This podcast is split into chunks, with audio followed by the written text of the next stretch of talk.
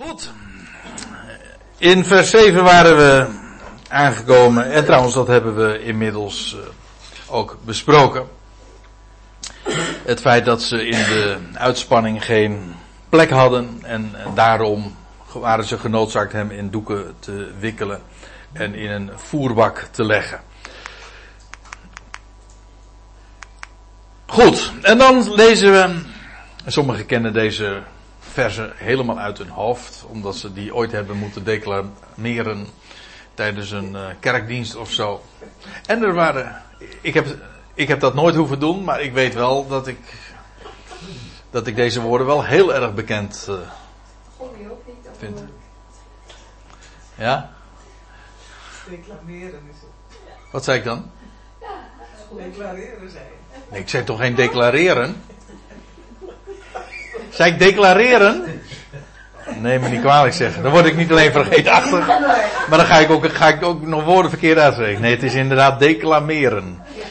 Correctie, als ik dat. Uh... Ja. ja, dat is iets heel anders. En er waren herders in diezelfde landstreek. Nou, welke landstreek dat was, dat is natuurlijk duidelijk. Dat waren de velden van Efrata. Wat trouwens vruchtbaarheid betekent. De eerste keer dat dat genoemd wordt, dat is alweer zo typerend. Nou, welke was dat? Rachel. Ja, van Rachel. Rachel, dat, haar naam betekent trouwens ooi. Dus een schaap, uh, een vrouwtje schaap.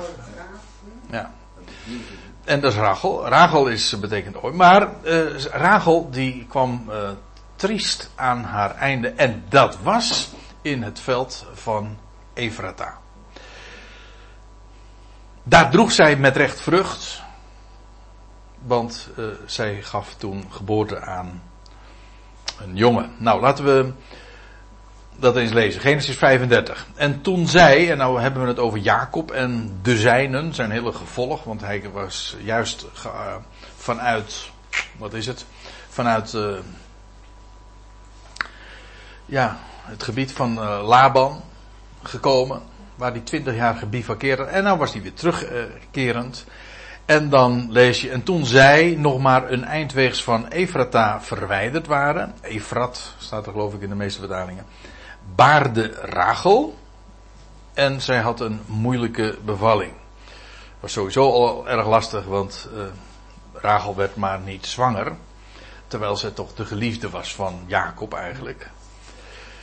En de eerste die zij uh, geboren deed worden, dat was Jozef. En nu kreeg zij uh, wederom een zoon. En ze had een moeilijke, een harde, staat er in de Statenvertaling geloof ik, uh, bevalling.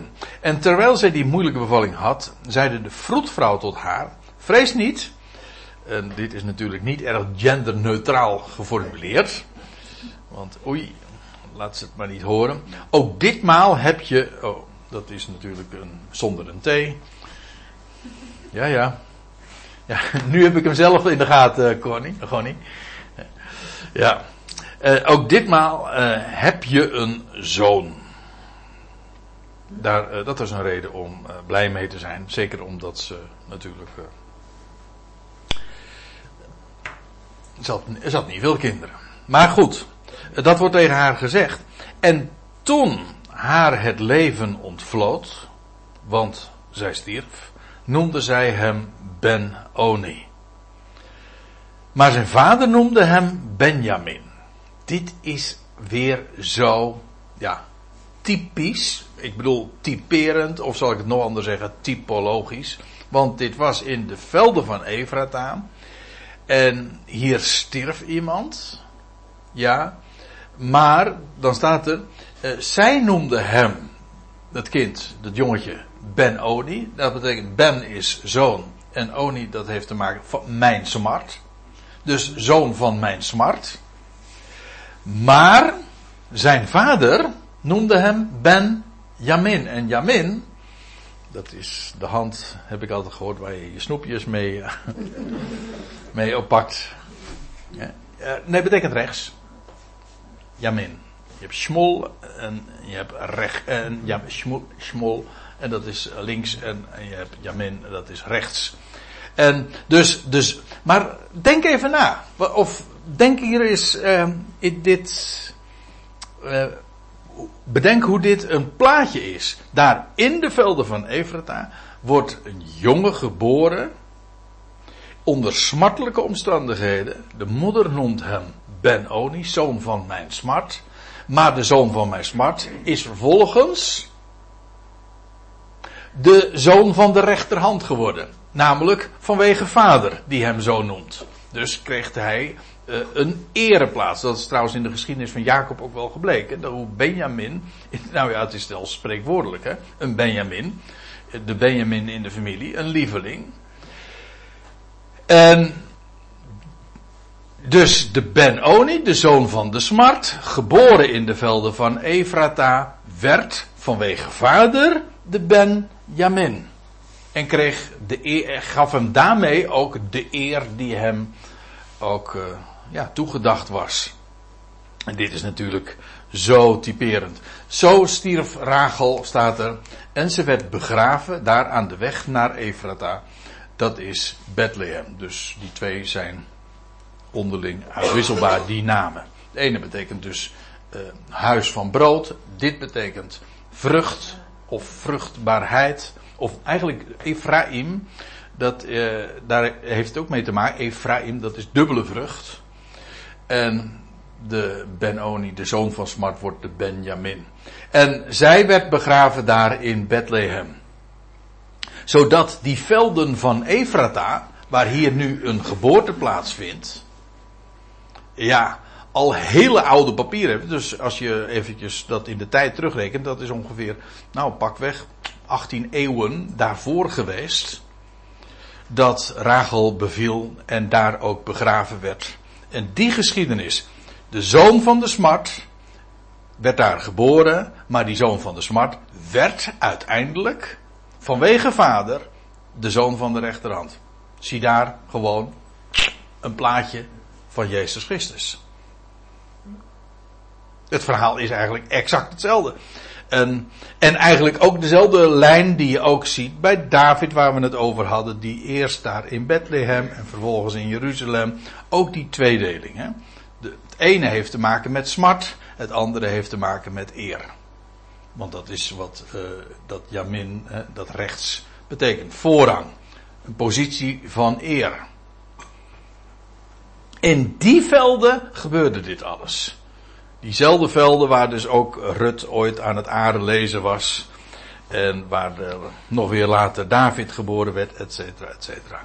Dus de locatie is veel zeggen. Niet alleen maar dus geprofiteerd, maar ook de verhalen, de geschiedenissen die daarin, die in de Bijbel staan opgetekend, zijn zo veelzeggend dat het je moeilijk kan ontgaan wat, uh, ja, waar het naar verwijst. Kijk, dat vind ik nou het geweldige van, van de Bijbel. Het is een collectie van allemaal boeken, geschiedschrijvingen. En zo in de loop der eeuwen. Want ja, waar we het hier over hebben, dat is, uh, dat is 3800 jaar geleden.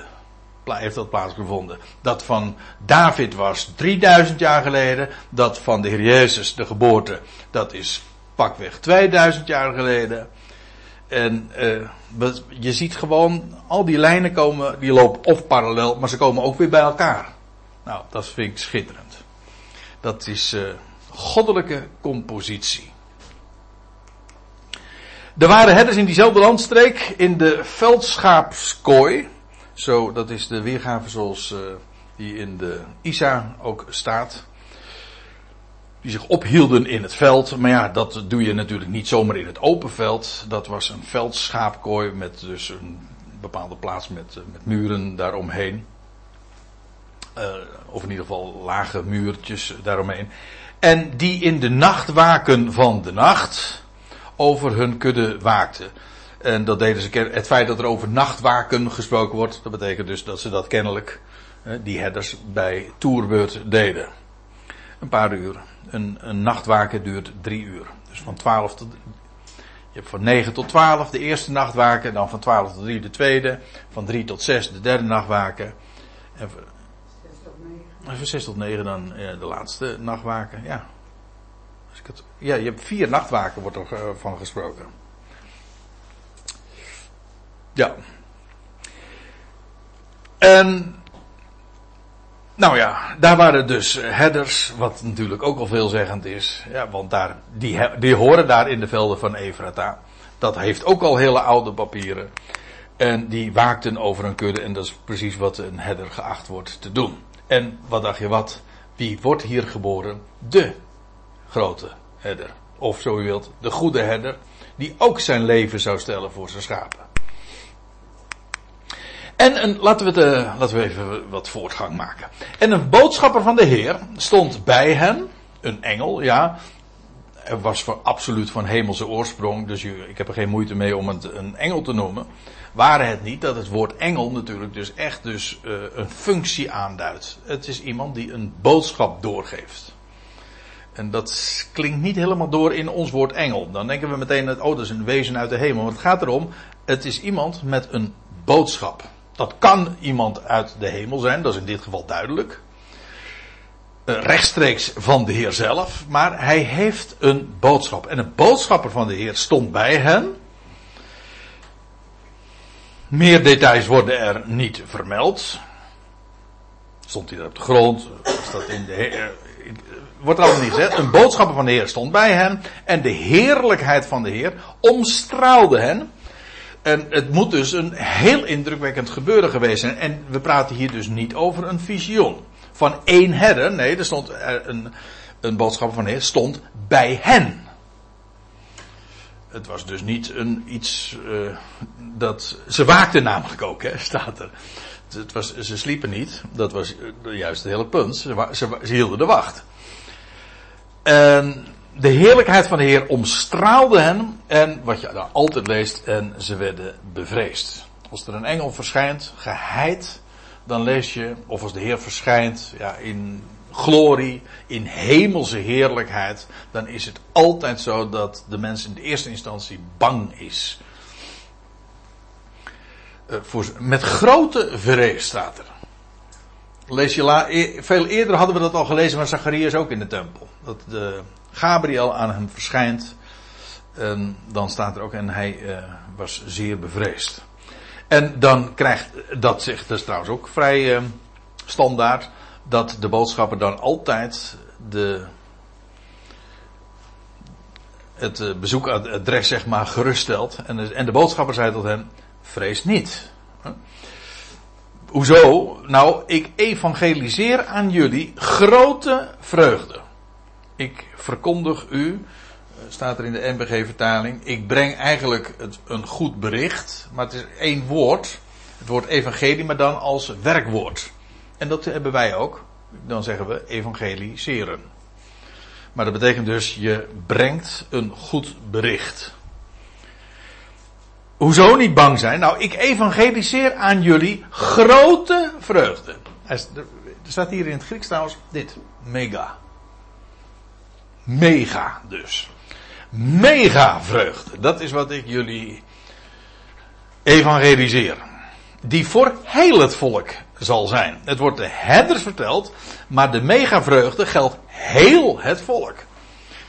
En, nou ja, verder gaat de scope hier dan niet, maar uiteindelijk natuurlijk heel de wereld. We zullen dat trouwens ook wel zien als, als uh, in, de, in de volgende verse. Maar heel het volk zal hierin gaan delen. Hoezo? Omdat voor jullie vandaag, dus deze gebeurtenis heeft op dezelfde dag plaatsgevonden dat ook de geboorte eh, van de Heer plaatsvond. Omdat voor jullie vandaag, heden, werd geboren de redder, namelijk Christus, Heer. Drie titels. En feitelijk uh, anticiperen ze, ze alle drie op de opstanding. Anticiperen betekent dus, uh, ze lopen vooruit op. En ze geven al een plaatje van wat nog moet gaan komen. Het is al een voorbereiding van wat nog plaats moet vinden. Hij wordt hier al de redder genoemd en de Christus en Heer. Terwijl dat uh, eigenlijk, ja, het was, uh, dat zou hij zijn. En zo wordt hij hier al genoemd. En eh, dat hij redt, ja, dat is misschien nog wel het meest uh, treffende. Hij redt, uh, ongeacht van wat. Hij, redt, hij zal zijn volk redden van zonden. Dat geldt voor zijn volk. Maar hij is de redder. Ja, der wereld. Ja. En hij is de Christus, de beloofde Messias, de Mashiach. En hij is Heer.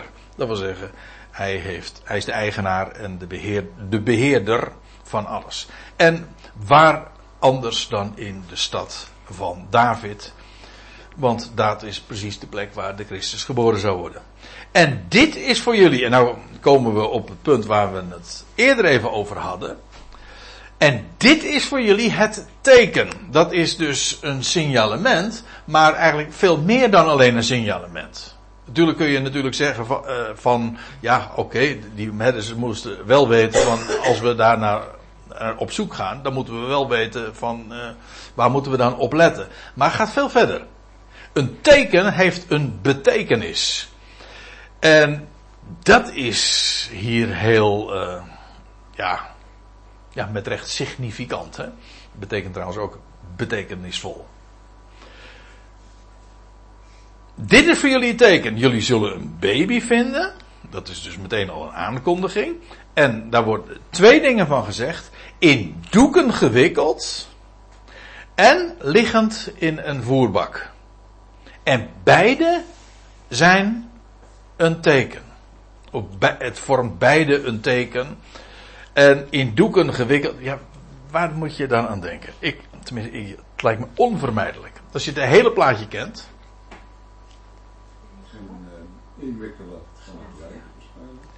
Ja, nou ja, ik denk, ik denk aan wat je leest in verband met de opstanding. Dan staat er. Uh, kijk, hij is ingewikkeld. Als je een beetje gevoel hebt voor taal, dan snap je de woordspeling. Hij werd ingewikkeld bij zijn geboorte.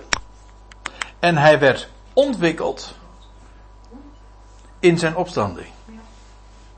Want toen liet hij de doeken achter in het graf.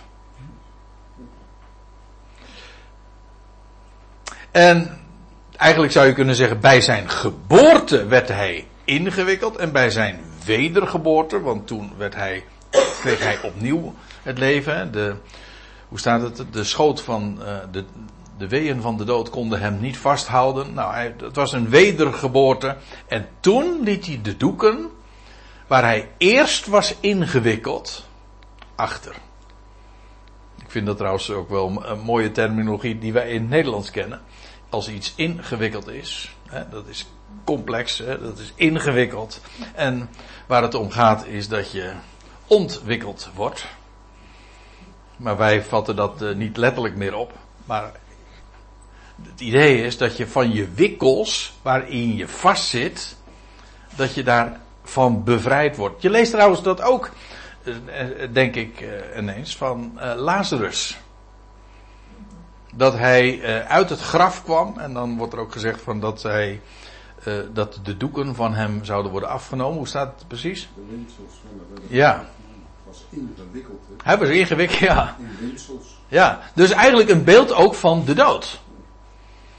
En feitelijk is dat ook wat de Heer dus, uh, toen hij hier op aarde kwam, toen werd hij geboren, ja, om te sterven. Hij was met recht in de velden van Evrada de Ben-Oni. De zoon van Smart. Geboren, ja, om te sterven. In doeken gewikkeld. En pas in zijn opstanding zou hij de doeken achter zich laten. Definitief. En de dood was toen overwonnen. Toen was hij ook daadwerkelijk uh, de redder, de Christus en de Heer. God heeft hem gemaakt tot Heer en Christus. En zo is hij ook de redder geworden van Israël en voor, ja, van de hele wereld. Maar het feit dat hij hier zo uh, getypeerd wordt, hè, die, dat kind, dat babytje, dat zou in doeken gewikkeld zijn. Uh, geboren om dood te gaan. Maar feitelijk zit dat ook al in dit uh, element verwerkt. Want hij ligt in een voerbak. En dat is bestemd voor Ja, bijvoorbeeld een lammetje of een schaap of een bokje. Maar je voelt natuurlijk meteen wel, dit is, dit is ook profetisch. Want hier wordt een lammetje geboren.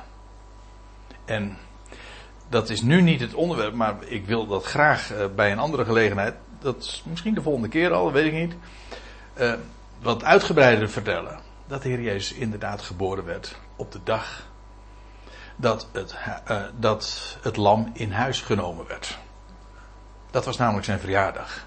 In Lucas 2, vers 42, uh, als we daar eenmaal gearriveerd zijn, zullen we het er wat over hebben. Want je leest dat, daar lees je echt wat de verjaardag van Jezus was. En dat was met Pascha, vlak voor Pascha. Dat was de dag dat het lam in huis genomen werd. En dat betekent ook dat in, een huis in Israël een, een viertal dagen een lammetje dus had.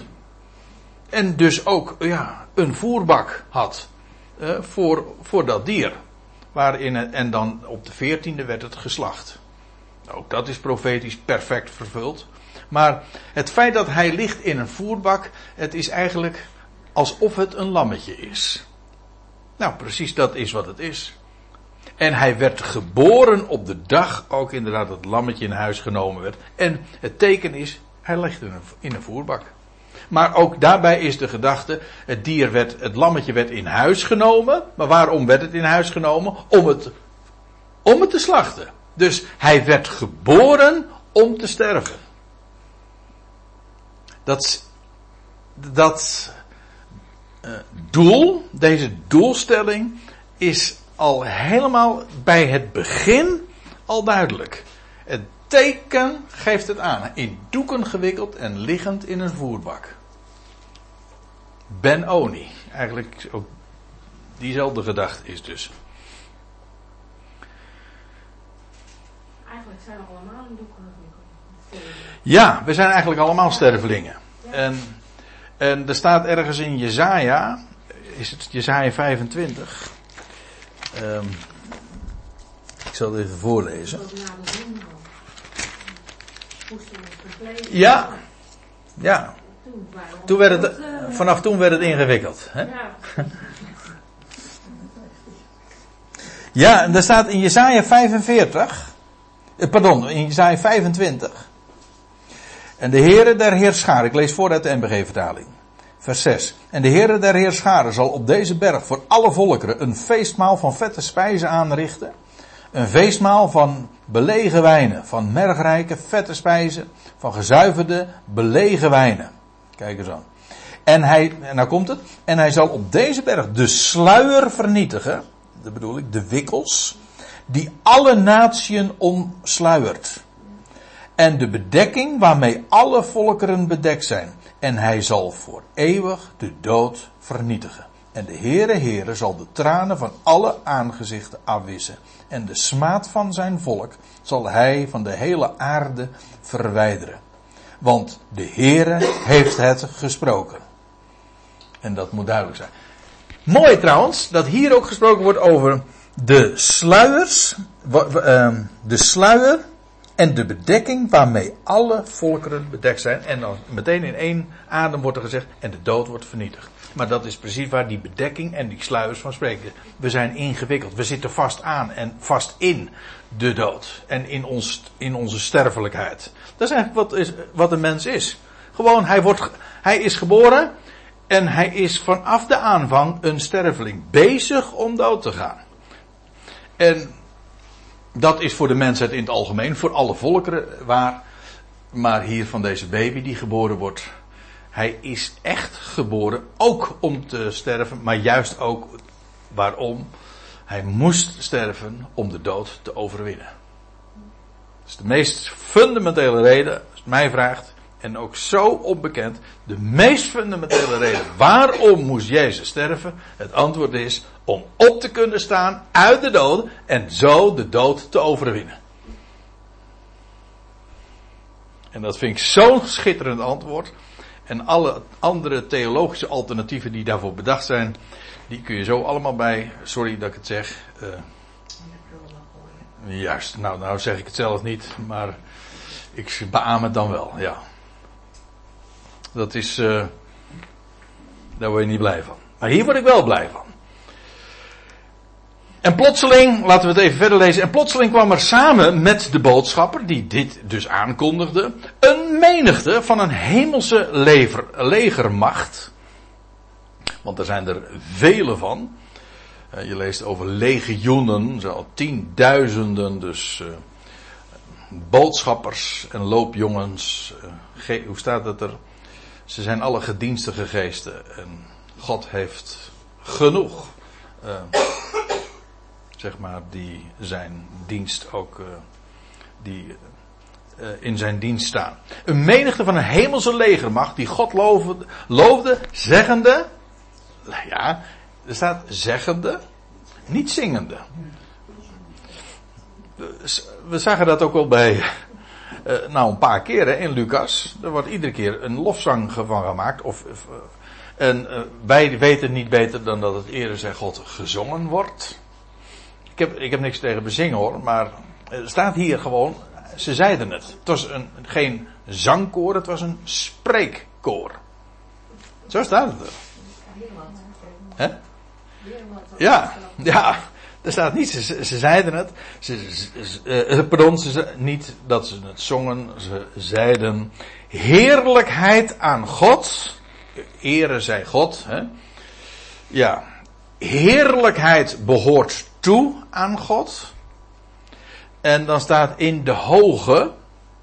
Maar je ziet, zo is het lied, hè. Ere zij God in de hoge. En dan, dan is het idee van, nou ja, waar wordt die eer God aan God gegeven? Aan, aan, of uh, aan God die in de hoge is. Maar het idee is, het is een meervoud. In hoog, uh, in, en vandaar ook dat als het uh, in verband met het meervoud gebruikt wordt, dan krijgt in de betekenis van te midden van.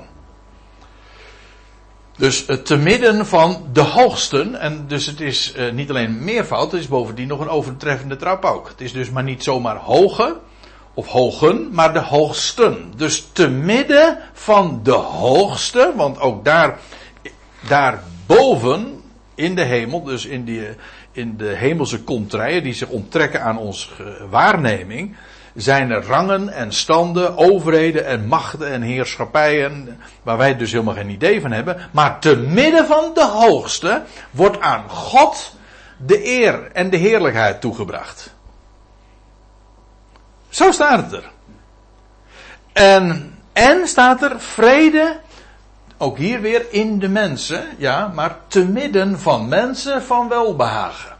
En kijk, feitelijk wat deze dit spreekkoor, met die een hemelse legermacht, nu eigenlijk eh, bevestigd. Eerst die ene boodschapper, vervolgens komt er een hele legermacht. En dan wat ze uh, aangeven is de geboorte van de redder, die zojuist was aangekondigd, de Heer, de Christus, heeft een universele impact. Dat wil zeggen, en omhoog, te midden van de hoogste, en hier op aarde, te midden van de mensen, uh, bij het eerste heerlijkheid en hier op aarde vrede.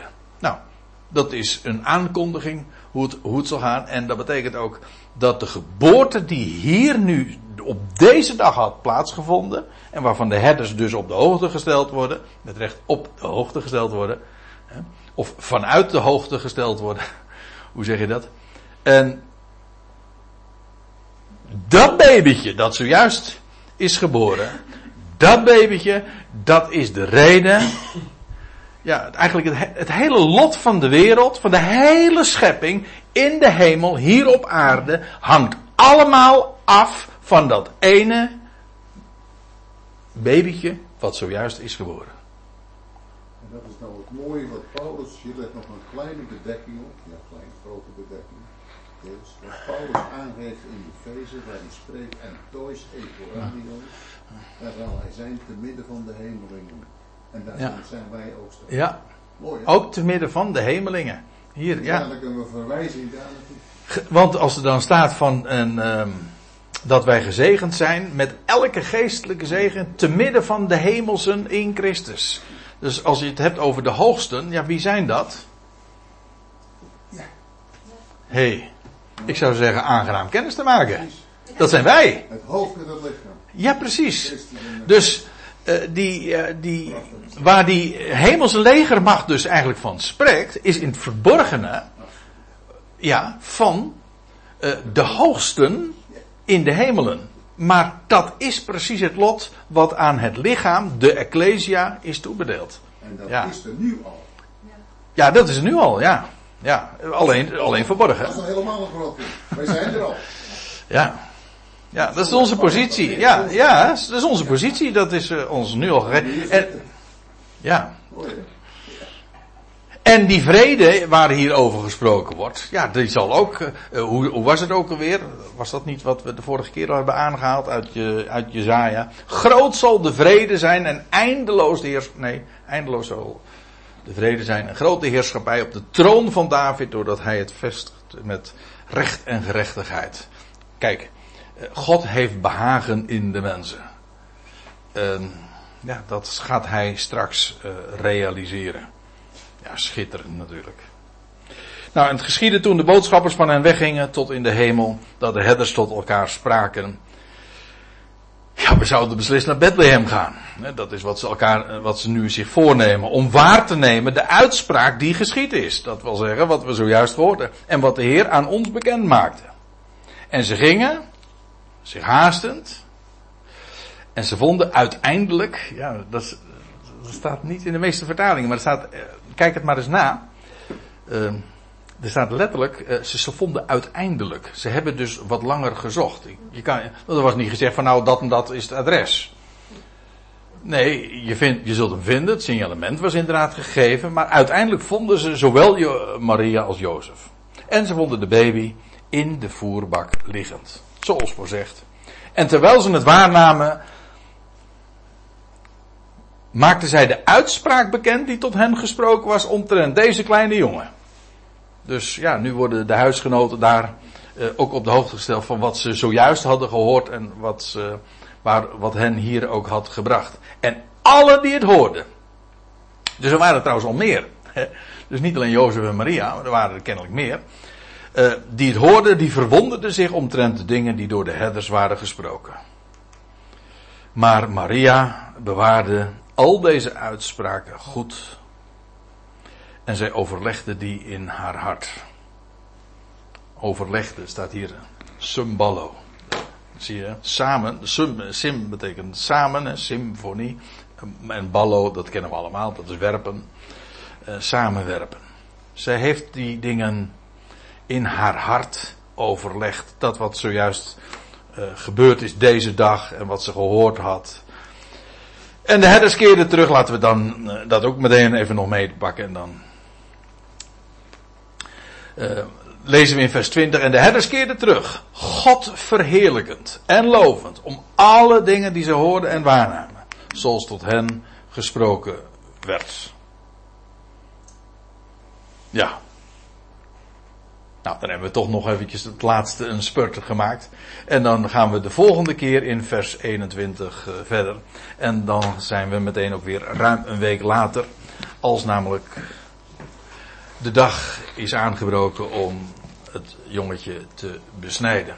Maar goed, ik stel voor dat we het hier dan bij laten voor vanavond.